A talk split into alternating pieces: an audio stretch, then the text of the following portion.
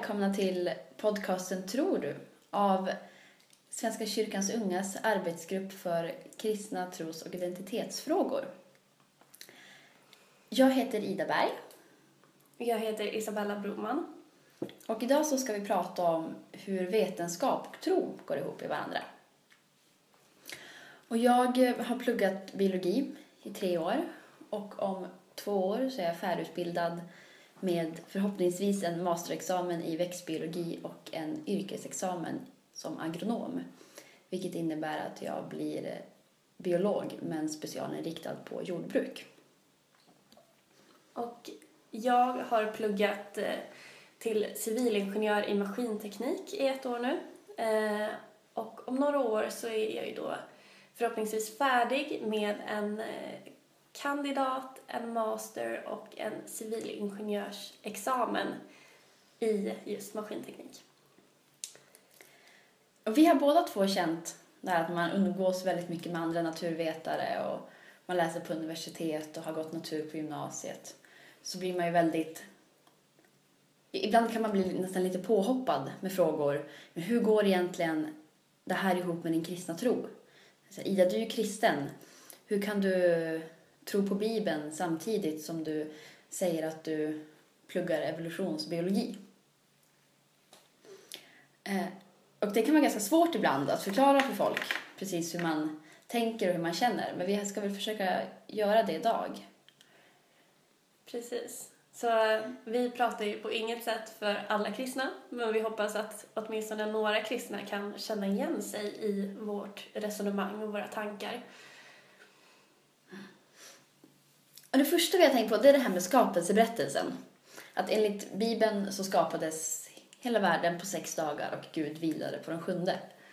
Och det här går ju då emot väldigt mycket av de vetenskapliga teorierna om att världen är hur gammal som helst och skapades under en väldigt, väldigt lång tid och att det är evolutionen som har drivit allting framåt.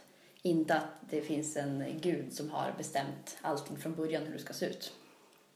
Ja, och då att eh, ja, men, evolutionen tycker ju då att det började med någon form av alg eller bakterie i vattnet medan skapelseberättelsen är i princip att Gud kommer och säger jag vill ha fiskar, eh, så kom det fiskar. Ehm, men måste man verkligen ställa dem emot varandra? Som jag ser det så blir skapelseberättelsen en, ett sätt att se mer hur Gud är och hur, hur Gud ser på livet på jorden och hur vi människor får ett ansvar för att ta hand om vår planet och inte som ett, sätt, som ett naturvetenskapligt sätt att visa så här gick det verkligen till. Det kan vi också se på i Gamla testamentet att det faktiskt finns två olika skapelseberättelser som kan visa på lite olika sätt också om oss människor och relationen till Gud. Att det inte finns en färdiggjord mall, så här gick det till. Jag tycker också att det är viktigt att tänka på vilken fråga det är man vill ha svar på. Eh, för mig så svarar evolutionsteorin väldigt mycket på vad, när, hur skapades jorden. Medan skapelseberättelsen, som den står i Bibeln, svarar mycket mer på frågan varför skapades jorden och vad ska vi egentligen ha den till? Och jag ser inga problem med att plugga evolutionsbiologi som jag har gjort väldigt mycket. I och med att det blir bara ett sätt att se hur världen ser ut. Och för min del, så ju mer biologi jag läser, desto, ju mer kristen känner jag mig. För jag ser hur fantastisk hela jorden är. Och hur hela skapelsen är så extremt komplex. Och hur det går till. Och hur i varenda liten del av skapelsen så kan man ändå se en del av Gud på något sätt. Och det... Du behöver inte pausa, vi kan Nej, klippa bort det sen. Ja. För jag kom på att här, jag tycker den här är så himla gullig. Det här är en anropsbok om att fråga efter Gud i allt. Mm. Och i den här då så finns det anrop av hur man ser Gud i alla olika saker i världen. Mm. Så här är till exempel en om elektroner som går så här. O elektron, laddad med kraften i atomernas handslag, generatorn i atomens energi. evigt trogen de lagar som styr din särskilda omloppsbana. Du är uppfyllelsen av det som är du. Kom, ladda allt vi företar oss med trohet mot oss själva. Jag tycker verkligen om den här och det finns fler i den här lilla boken om eh, allting från olja till eh, DNA. Och hur det verkligen minns att man kan se Gud i allting eh, i skapelsen. För att allting är ändå ursprunget ur Gud. Mm. Jag gillar också att tänka på att skapelseberättelsen, eller Bibeln i, i helhet, den tar ju aldrig anspråk på att vara naturvetenskaplig. Det står inte det här är precis vad som hände och det här är en naturvetenskaplig redogörelse för det.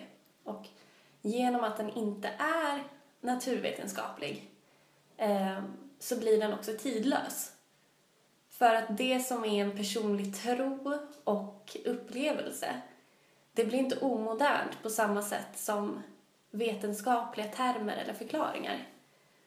Eh, som man ser på att, om man tänker att det var 3000 år sedan som skapelseberättelsen skrevs, så är det otroligt mäktigt att tänka på att den kan slå an i någonting hos mig idag och kommer förmodligen kunna göra det om 3000 år också.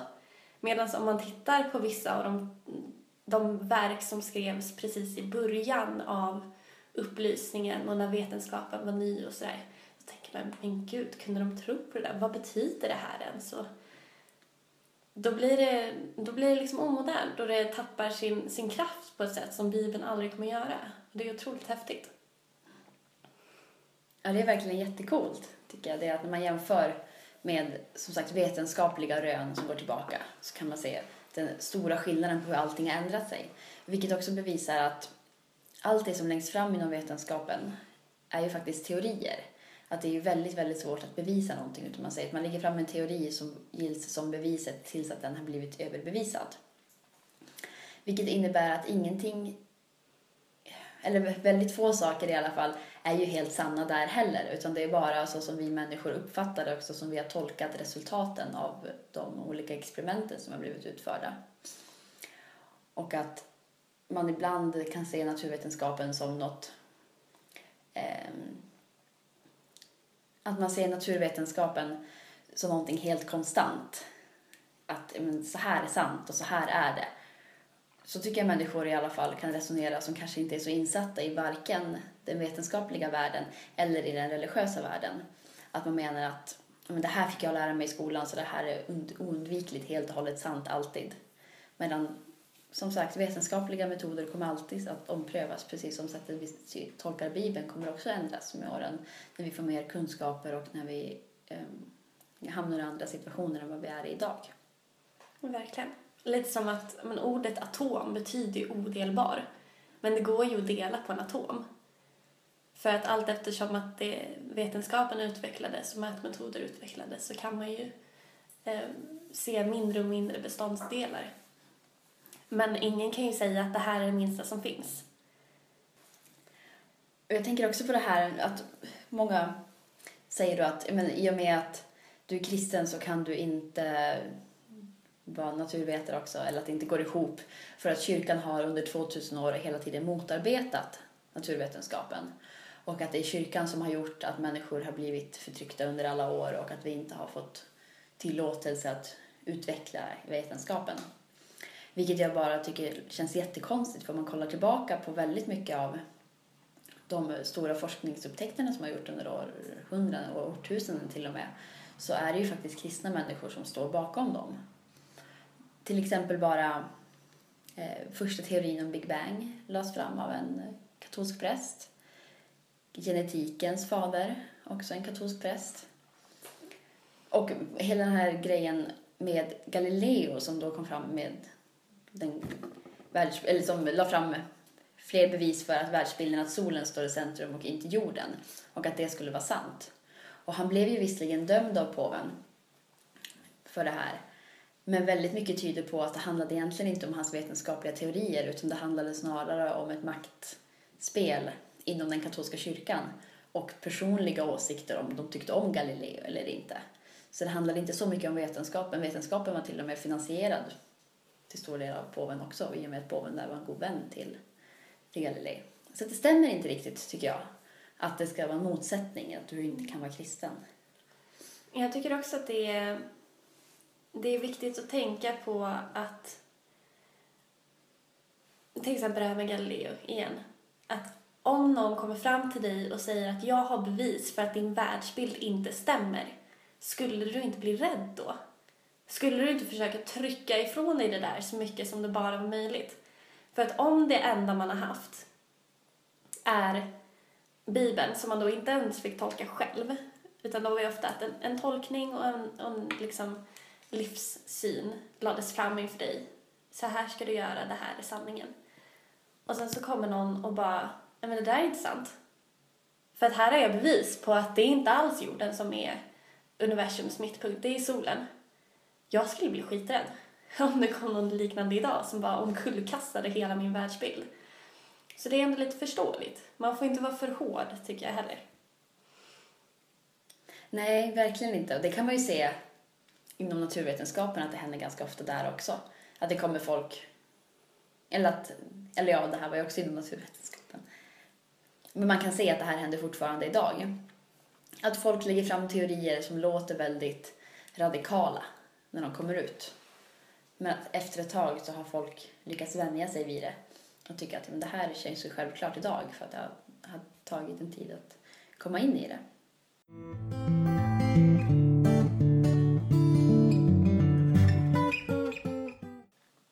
Men eh, hur ska man då förklara att Jesus föddes av en jungfru? Det är ju inte ens Gamla Testamentet. Nej, precis. Jag kan tycka själv att det kan jag verkligen inte förklara, för det är helt oförståeligt för mig. Men samtidigt så känner jag att det säger verkligen någonting om Gud. Det säger någonting om Guds allsmäktighet och att för Gud är allting möjligt. Så jag vet inte om Maria verkligen var jungfru eller om hon inte var det. Det kan man inte riktigt hålla koll på heller. Men det viktiga för min del är vad den historien säger om Gud och hur den speglar den relationen som Gud har mellan människor och hur Gud kommer till Maria och Maria har valet. Vill du göra det här eller vill du inte göra det här? Hon går med på det. Och att det är snarare det viktiga i historien än att om hon verkligen var jungfru eller inte. Mm. Jag håller med om att för mig är det inte den oskulden som är det viktiga. Men så har det ju till och med lagts fram teorier om att det är en felöversättning och att jungfru istället ska tolkas som ung kvinna. Och då blir det ännu mera konstigt i att man verkligen ska tro på att det var ett mirakel, att hon var oskuld, att det inte att det var helig ande som, som befruktade henne kan man ju tro på utan att behöva tänka att det inte var några spermier inblandade överhuvudtaget. Det jag tycker är härligt i så fall är att också få höra hur, eh, om det inte var Josefs barn, eh, att han ändå ville uppfostra Jesus som sin egen. Och att han tog sig an det här barnet. Eh, och som du säger, vilken relation vi får till Gud. När Gud kan välja ut oss människor och säga att du är min älskade son. Och Nya Testamentet pratar ju om ännu fler mirakel om bara det här. Det här var ju som det första. Och sen så har vi då miraklen när Jesus går på vattnet, när Jesus helar människor, till och med låter någon uppstå från de döda. Och det tycker jag också är jätte... Jag tycker det är krångligt att förhålla sig till. Att jag vet inte riktigt vad jag ska tro där. Men då har jag snarare kommit till punkten att man har accepterat, okej, okay, det här är det som står. Och det kanske var så här, det kanske inte var så här. Men att det kanske inte är det som jag lägger så mycket vikt i. Det är inte en stor del i min kristna tro, i min relation till Jesus, om de här miraklerna verkligen hände så som det står eller om det snarare är metaforer för någonting annat. Det viktiga blir snarare vilken del Jesus kan spela i mitt liv idag och hur Bibeln presenterar honom så att man får en bild av vem Jesus och Gud faktiskt var. Jag har väldigt olika dagar när det gäller det där. Ibland så har jag mina, mina dagar då jag känner att det är väl fantastiskt ändå att i så fall så upphävde väl Gud de fysiska lagarna. och gjorde det gjorde så att Jesus verkligen kunde gå på vattnet eh, och gjorde så att ja, man, man kunde flytta berg om man bara trodde på honom för att fler skulle tro att man kunde väcka folk från de döda.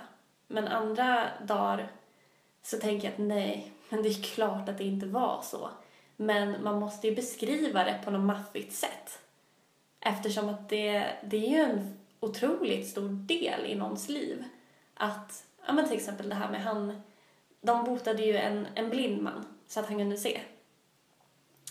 Man kan ju vara blind och inte kunna se på fler sätt än att det faktiskt har någonting med ögonen att göra och den faktiska synen. Man kan ju vara blind inför Guds kärlek och sen att någon gjorde någonting för en eller liksom introducerade en för Gud så att man kunde se igen. Och då är det inget fel egentligen att säga att nej men det var en blind man som sen började se. Bara det att han började se Guds kärlek istället för det omkring sig. Och det tycker jag är minst en lika sann beskrivning. Och inte på något sätt säga att Bibeln ljuger eller att man måste um, göra om sin mäktiga, eh, kraftfulla Gud till en intetsägande Gud eh, som många som vill bortförklara kristen tro menar på att men om man ska kunna tro på Gud och vara naturvetare så måste man reducera sin stora, kraftiga, mäktiga Gud till en intetsägande Gud som följer naturvetenskapens regler och bara är någon form av kraft. Lika gärna som att tro på Gud kan man tro på morötter och då spelar det ingen roll. Varför ska man tro på en sån Gud då? Precis, att det finns den här motsättningen att Gud måste förringas och göras mindre för att gå ihop med dagens världsbild. Vilket jag inte alls tycker stämmer. För att naturvetenskapen förklarar ju en sak och sen så relationen med Gud är ju verkligen en relation. Det är ingenting som jag kan bevisa på något sätt, vilken roll det spelar i mitt liv och hur viktig den relationen är. Det kommer man aldrig någonsin kunna mäta med naturvetenskapliga metoder. Men bara för det så blir den inte mindre viktig. Men alla som någon gång har upplevt kärlek, så verkligen kärlek till en annan människa, kan väl också gå med på att det är någonting man inte riktigt kan sätta fingret på. Det är ingenting man kan ta på. Eh, men det är någonting som är i allra högsta grad verkligt. Och det finns ju de som säger att, att kärlek inte finns också, men de är ju hyfsat, hyfsat få.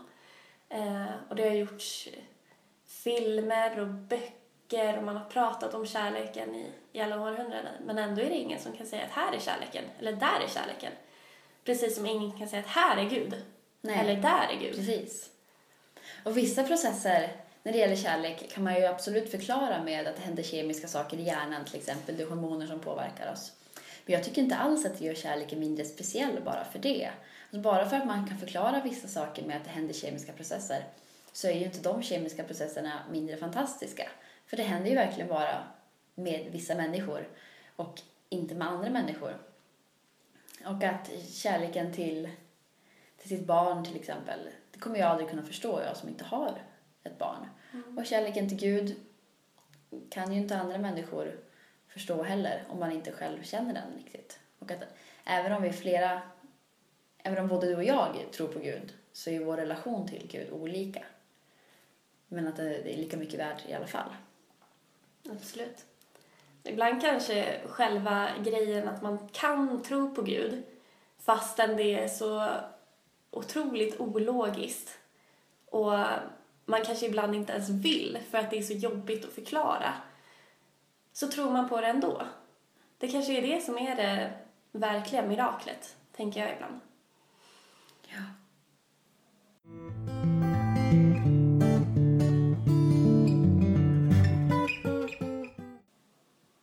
En sak som jag ofta tycker man möter det är att de personerna som tycker att det här är väldigt, väldigt svårt att få gå ihop med naturvetenskap och religion är ofta som, som själva benämner sig som ateister. Och ofta kan jag tycka att de kommer med en bibelsyn som är mycket, mycket mer extrem än min. Att eh, man, man kan få, man får de här frågorna att men hur går det här ihop? Det står ju verkligen så här. Det står ju svart på vitt att det skapades på sex dagar. Hur kan du tro på det här? Och när man då försöker förklara att det är så mycket mer än så, så kan det bli nästan lite blankt. Att det är svårt för, eh, svårt för dem att acceptera att deras bild av tro och religion kanske inte riktigt är den bilden som de, väldigt många av oss delar som säger att vi är kristna. Jag tror att det där är svårt också för att vi har ju religionskunskap i skolan. Eh, om man springer mellan eh, men mer naturvetenskapliga ämnen som biologi och kemi och sen ska man in på religionen, då har man lite samma tänk inställt fortfarande. Att man ska ju vara källkritisk, man ska ju söka fakta, man ska ha välgrundade argumentationer för att komma fram till sina slutsatser i, uppsa i uppsatser och liknande. Men om man har det tänket med sig in när man pratar om kristendom eh, och jag vet ju bara, det jag vet om andra religioner till exempel är ju också, men vilka är islams fem pelare? Hur många gånger om dagen ber man? Det är väldigt sådana här grejer man kan sätta fingret på, så här är det. Och om man då blir lärd att kristna tror på skapelseberättelsen, skapelseberättelsen är så här. Jorden skapades på sex dagar, allting skapades i den här ordningen och det är grejer man har prov på alltså. Då är det klart att man ser det som en sanning. Nej men jag fick lära mig det här i skolan. Det var så här, vi hade prov på det. Ja, verkligen. Man kan ju inte tolka kristendomen utifrån det naturvetenskapliga perspektivet. Då svaret i kristendomen är ju alltid bara att man ska, eller kärlek är det som är utgångspunkten i hela kristendomen. Det är Jesus och det är kärleken som är det viktiga. Och man kan inte älska naturvetenskapligt. Man kan inte älska enligt principer om man ska göra bra förundersökningar innan och backa upp sina argument varför man känner den här kärleken. Gör man det så blir det inte så mycket kärlek kvar. Utan det handlar ju snarare om den här klassiska bilden av att, menar, att våga älska, att stå ute på klippan, inte veta vad, kommer någon ta emot mig och sen kasta sig ut förbehållningslöst och bara tro att det finns någonting där och tro att Gud finns i det tomma. Och det går ju verkligen inte att ha den naturvetenskapliga approachen till det. Det blir ju bara väldigt fel. Och då kan jag förstå att människor kan tycka att det är svårt att få de här två olika världarna att gå ihop. Och det, det blir ju också konstigt där att om man ska lära ut religion i skolan men man inte får ha ett religiöst perspektiv på det utan att man bara får lägga fram de delarna som är rent faktamässigt eh, sanna. Att man får säga att men en kyrka ser ut så här, Bibeln är uppdelad så här. Då framstår det ju som väldigt stolpigt och nästan som ett alternativ till naturvetenskapen. För att man fick lära sig en grej på fysiken, men kristna tror tydligen tvärtom. Alltså kan inte kristna tro både på fysik och naturvet eh, eller fysik och kristendom. Ja, det blir ju jättekonstigt för då dödar man ju hela kärnan i det. Och man tar bort glädjen och man tar bort det som driver och bara har kvar de här konstiga, stolpiga faktasakerna som man inte riktigt förstår heller. Mm. Och om det är ett sånt synsätt som sen sprids ut i hela samhället så blir det ju här ett problem kan jag se det. För det, kom, det kommer alltid till den punkten att det blir en uppdelning hos befolkningen nästan. Att vi har de som tror och de som inte tror. Och att man sen inte kan förstå varandra för att man har så oerhört olika världsbilder och så olika syn på saken.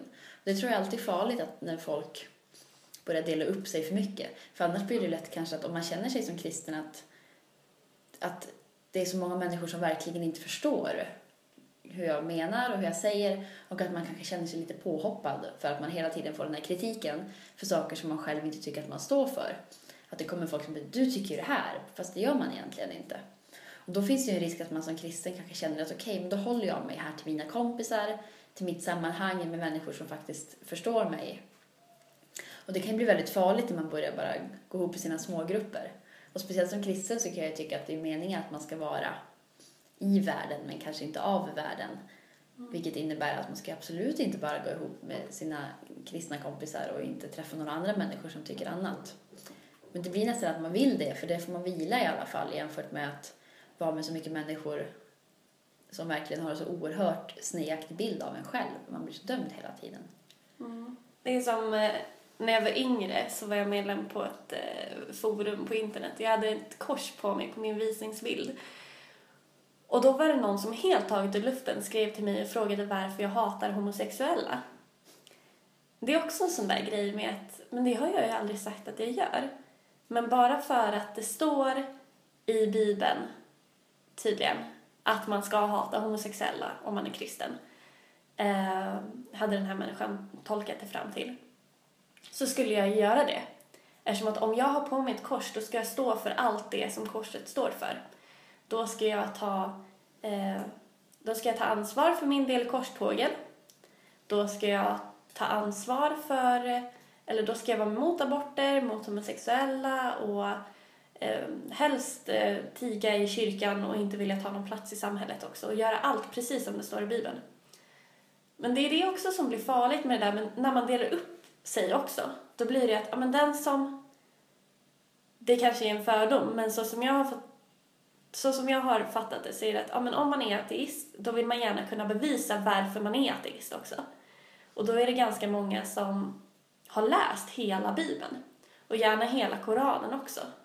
Eh, och som verkligen grottar ner sig i de religiösa texterna. Men om man gör det själv utan att på något sätt ha fått lära sig om bibeltolkning eller men kunna, kunna se det ur olika kontext, ur olika perspektiv då får man ju bara den bibelkunskapen att man kan rabbla verser lite hur man vill utan att förstå eller ens ha ett intresse av att förstå vad som finns bakom versen man precis rabblade. Ja, och där har ju det problemet igen då, när man går in med ett naturvetenskapligt synsätt på någonting som inte är naturvetenskapligt. Att man menar att så här står det i Bibeln och därför måste det vara på det här sättet. Mm. Vilket, det är ju inte naturvetenskapligt heller. Det är ju bara eh, om man tänker naturvetenskapligt så någonting som ska kunna bevisas med eh, olika typer av experiment som olika människor ska kunna upprepa vid olika tillfällen och det ska bli samma resultat. Det kan man ju inte heller göra med, med bibeltexten där som kommer in. Det blir bara ett väldigt konstigt, extremt sätt att se på någonting som inte gagnar någon. Det blir ju bara att det blir större segregation mellan olika grupperna i samhället som tycker olika saker och det leder inte alls till någon slags förståelse eller fördjupning av någonting. Det blir ju bara väldigt dött allting kan jag tycka. Alla relationerna mellan. Gången som de här världarna brukar träffas och diskutera de här sakerna, i alla fall för mig, brukar vara där när man är på fest, folk har använt berusningsmedel av olika slag och klockan börjar närma sig två på natten. Då kommer frågorna fram. För mig var det senast i lördags. Och då fick jag också stå till svars för, för olika frågor och eh, det var bland annat en kille, han, han tyckte att jag skulle förklara varför han hade blivit tvingad att betala kyrkoskatt. Och där började eh, diskussionen. Så här, varför har jag tvingats betala pengar till kyrkan? Och då kom vi in lite på vad, vad kyrkan är och så vidare. Och det var en ganska klassisk diskussion. Jag har varit med om ett par nu. Men det börjar alltid i det här med att man måste börja med att förklara vad, vad kyrkan är, vad gemenskapen är, relationen till Gud och väldigt mycket bibeltolkning. Eh, jag står fast vid att jag ser det som att eh, Jesus talade i liknelser och försökte lära oss att tolka hans liknelser för att vi ska tolka allt som står i Bibeln. För att vi hela tiden ska tolka vår värld omkring oss. Eh, och att vi inte ska ta allting som sägs på en gång. Så det här förklarade jag för honom och han nickade. Men sen när jag, när jag kommer till det där med Jo, allt det här kan jag ju tro på ändå. Jag kan ju vara en god människa med hjälp av Svea rikes lag och allt det där. Men jag tror på Gud för att jag tror att han ville mitt liv, har skapat mig efter sin vilja. Eh, så att jag ska hjälpa till att föra vidare hans budskap och skapa Guds rike på jorden. Och jag tror också att Jesus var Guds son och att han dog för min skull. där någonstans brukar diskussionen ta slut. För då fattar man inte längre. Nej, för den delen går ju verkligen inte att fatta. Jag tror att vi människor, hur mycket vi än försöker och tänker och filosoferar och reflekterar, så kommer vi aldrig kunna förstå det faktum att Gud blev människa och tog, dog för våra synders skull och sen uppstod igen. För det går inte att förstå, för det är hela det begrepp, hela, hela den händelsen och allting, det är så obegripbart och så stort. Då, vad är det man säger? Att Gud är större. För det, det går verkligen inte att, det går inte att definiera, det går inte att begripa. Det enda man kan göra, det är att fundera, är det här någonting jag vill tro på? Är det här någonting som... Eh, ehm, om man kan bara känna det, det handlar ju bara om en relation då. Och det blir relationen mellan en själv och Gud. Och som vi har sagt tidigare, en relation går ju faktiskt inte att förklara. Och den går inte att bevisa. Så den kan man bara vila i. Och känna att det här är någonting som jag vill leva med i mitt liv. För att det gör att jag får mening. Och då kan jag förstå att folk på fester klockan två på natten inte riktigt kan förstå den delen. Vilket de inte heller ska göra, för det gör inte jag heller. Det kan, jag, kan man aldrig hävda riktigt att man gör, tycker jag. Mm. Jag bara vet att Jesus finns där ändå. Jag brukar tycka att det, det börjar bli svårt där, för att då börjar man prata två olika språk. Den ena är fast i det här tänket och språket med, med vetenskapligt bevis, sanning. Medan jag börjar prata mer känsla, relation, tro. Större. Och då blir det en värdekonflikt också. Eh, och värdekonflikter är ju att man kan inte komma överens för att ens värdegrund skiljer sig åt något så otroligt att det går inte att få en kompromiss på det här. Och ibland vill jag gärna tro att man blir så påhoppad och ifrågasatt av ateister för att vi har någonting som de aldrig kommer förstå och som de aldrig kommer få ha. Och det grämer dem för det verkar ju så fantastiskt att vara del av en kyrka. Det är det ju faktiskt verkligen, speciellt i Svenska kyrkans unga. Eller hur? Och eh, allt det här med bibeltolkning och så, om man vill höra mer om det så finns det ju faktiskt en, en av våra poddar handlar ju faktiskt om Bibeln. Och då är det de i vår grupp som är lite mer teologiskt skolade som pratar om det. Men jag tänker också på det här med att det, jag läste nyss en artikel om att om man reducerar Gud till en relation så blir Gud värdelös. Alltså jag kan verkligen inte släppa den tanken. Varför ska man tro på något om den inte ens kan göra så att man kan gå på, gå på vatten liksom? Precis, man tar bort det här stora, fantastiska mm. med Gud som gör massa mirakel och ingriper handfast i vårt liv. Och enligt den här artikeln då liksom reducerar Gud till en relation. Som, att, som om Gud någonsin har varit en gubbe på molnen som man kan reducera. Tycker jag blir ett väldigt konstigt utgångspunkt. För jag tror att väldigt, väldigt få kristna någonsin har, har tänkt på Gud på det sättet verkligen. Och jag får inte riktigt heller ihop det i mitt huvud hur man tänker utifrån det resonemanget. Att den relationen kan bli värdelös. Hur kan en relation ens vara värdelös? Och vad var det du sa innan om Augustinus? Ja. Augustinius, den gamle teologen och gubben, redan han sa på 300-talet så talade han mycket om vikten att man måste faktiskt tolka Bibeln. Att man kan skrämma bort människor som inte är kristna genom att presentera, speciellt då kanske första Mosebok på ett sätt. För att folk kommer tycka att det känns väldigt konstigt. Vilket gör att redan då så tolkade man det. Och om vi tillbaka till de tidiga fornkristna så var det också en ganska tydlig utgångspunkt att det var en tydlig utgångspunkt med att man kanske inte sa är Bibeln sann utan att man snarare säger vad vill Gud kommunicera genom det här? Och det är ganska viktigt att komma ihåg. Och mycket av, av det som folk då menar att man som kristen tror på, den här extrema, eller den, att, att vara, det som, det som många människor menar att vi kristna tror på, det vill säga att man är helt och hållet bibeltrogen. Det- Det starka bibeltrogna, som jag har förstått det, kom fram mer på 1800 och 1900-talet. Går vi tillbaka, bara innan, innan Luther så läste inte folk, vanligt folk om man säger så, Bibeln. Så att i nästan 1500 år så har vi haft en kristen kyrka där de kristna människorna inte har läst Bibeln själva utan snarare deltagit i mässor och på det sättet varit kristna. Och det visar ju mycket mer att kristendomen är ju så himla mycket mer än att Eh, läsa bara i Bibeln.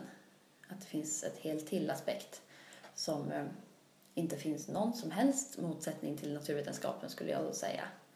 Men att den blir inte lika påtaglig i och med att folk tycker om att ha exakta texter att hoppa på mot. För det är så mycket enklare att kritisera Bibeln och kritisera en text än vad det är att kritisera ett sätt man utövar kanske en religiös dans till exempel. Som är lika mycket min tro som Bibeln är. Apropå mässor och så, så finns det ju också lite ifrågasättande gentemot nattvarden. Som jag tycker är väldigt spännande.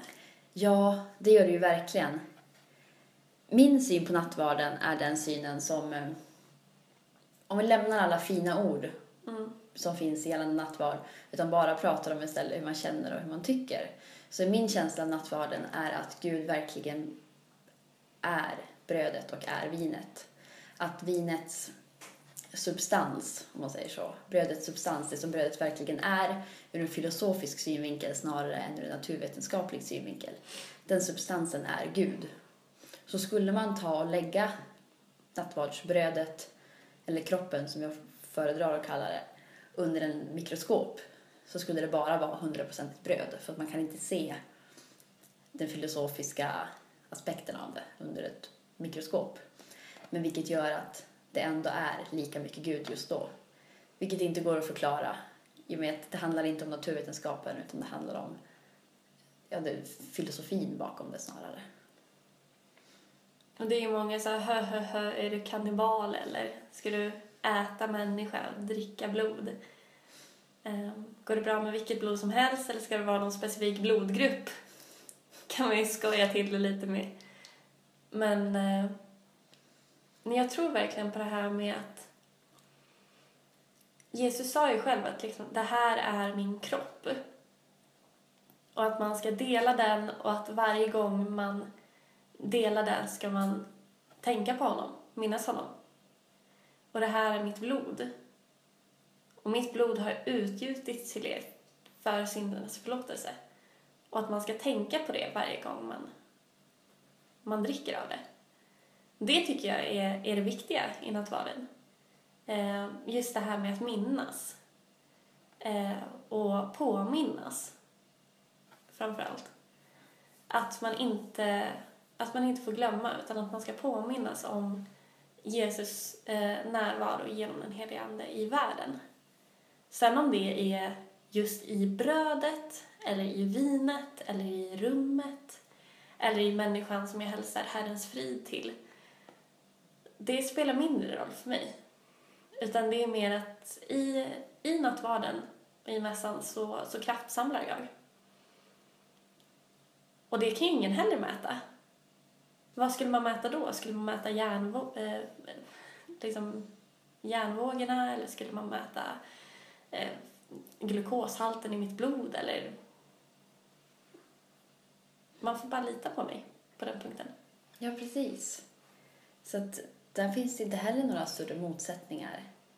Utan det skiljer också i... Vi kristna ser ju på nattvarden på olika sätt. Och det är också såklart okej, om man säger så. Alltså det finns ingen motsättning med att exakt så här ska det vara. Vi kan inte utgå ifrån att det finns ett rätt och att det finns ett fel. Utan det är den personliga upplevelsen där som får stå i centrum. Och det är det som är så himla härligt, tycker jag, med att få gå ifrån fysikböckerna och mekanikböckerna som är jättehärliga när man behöver dem. Men att istället få kliva in i kyrkans rum där så länge du tror så är det möjligt. Du är rättfärdig endast genom tron. så här, tro på mig, så löser allt sig. Eller som, jag hade en jättefin bön för några veckor sedan om att människan bredvid dig är också världens centrum.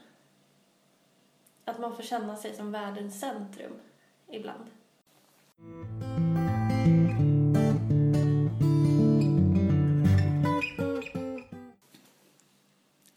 Ja, det var allt för oss idag. Vi hoppas att ni har kanske fått lite nya tankar eller lärt er någonting i alla fall. Jag kan säga att eh, om det är någon tanke eller någon Ja. fråga som har uppkommit under det här lilla avsnittet så kan man jä- jättegärna dela med sig av den antingen på vår Twitter som är SVK Unga Tro eller på vår Facebook-sida Tror du? En podcast av Svenska kyrkans unga. Eller så kan man ju skicka ett gammalt vanligt hederligt mejl till tro svenskakyrkansunga.se så svarar vi jättegärna och fortsätter den här diskussionen på sociala medier. För vi tycker jättemycket om att diskutera det här och man lär sig så mycket när man pratar med varandra. Och vi har ju inte någon enda sanning. Så tack så jättemycket för att ni har lyssnat och lyssna gärna på nästa avsnitt också om två veckor. Tack så mycket. Hej då! Hej då!